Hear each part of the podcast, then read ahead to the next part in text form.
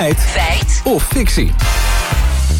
Evelien, wij gaan het over de Chinese marine hebben. Ja, want in de Telegraaf van vandaag staat dat de Chinese marinevloot groter is dan de Amerikaanse vloot. Nou, ik dacht altijd dat Amerika het grootste leger had en de grootste vloot. Dus ik vond het wel een verrassend bericht. Ja, inderdaad. We kennen allemaal die beelden van die enorme Amerikaanse vliegdek, vliegdekschepen bijvoorbeeld. Maar heeft China dan echt een grotere vloot? Dat vroegen we marinejournalist Jamie Karreman van marineschepen.nl. En hij zegt dat China in elk geval in rap tempo schepen aan het bouwen is.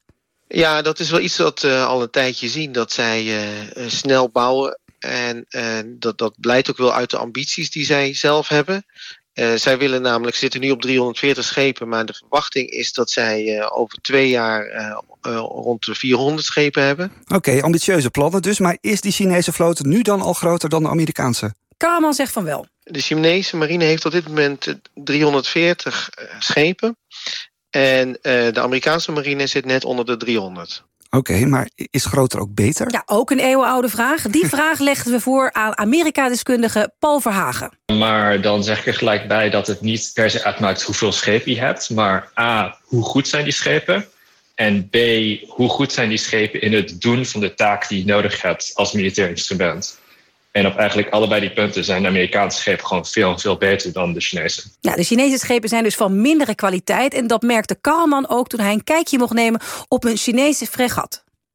Ik vond vooral het, het schip zelf, het platform, daar vond ik, zag ik dingen van waarvan ik dacht, nou, vooral de brandbeveiliging bijvoorbeeld, vond ik uh, tegenvallen. Um, andere dingen was, uh, ik zag een heleboel ventilatoren staan in allerlei verblijven.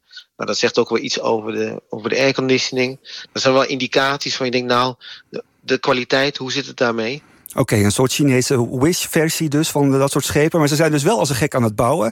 Waarom stoppen ze hier nou zoveel geld en moeite in? Ja, dat vroegen we aan China-deskundige Fred Sengers. Volgens hem claimt China, China vaak neutraal te zijn in conflicten. Maar zijn ze ook bang om geïsoleerd te raken? De Chinezen hebben natuurlijk het idee dat ze heel erg uh, omsingeld zijn door de Verenigde Staten. En in zekere zin is dat natuurlijk ook zo. Als je bedenkt dat er heel veel Amerikaanse bases aan de zeekant om China heen liggen. En er zijn natuurlijk ook nog een aantal bondgenoten van de Amerikanen. Denk aan Japan, Zuid-Korea, Australië wat verder weg. Ja, volgens Singers is China dus bang om door de Verenigde Staten afgesloten te raken van de buitenwereld. Oké, okay, maar als het dus gaat om de marinevloot, dan streeft China de VS voorbij. Moeten de Amerikanen zich nog zorgen gaan maken? Nou, grote vloot of niet, volgens Paul Verhagen blijft het zelfs voor China moeilijk om te tippen aan de militaire superioriteit van de Amerikanen. Nummer 1 in de wereld is de Amerikanen in, in, in aantal vliegtuigen die ze hebben. En nummer twee is de Amerikaanse marine. Uh, dus het, het overgewicht in de wereld van Amerikaanse militaire macht is zo enorm. Echt een enorme militaire vuist. En uh, de Chinezen beginnen eraan te werken, maar het is nog, uh, ze hebben nog veel aan de weg te timmeren. Oké, Evelien, terug naar het begin. Is de Chinese marine groter dan de Amerikaanse? Ja, over de kwaliteit van de Chinese schepen, daarover kun je twisten. En Amerika heeft nog altijd veel meer slagkracht. Maar de Chinese marinevloot is wel degelijk groter dan de Amerikaanse. Ook bouwden ze er sneller nieuwe schepen bij, dus het is een feit. Dankjewel.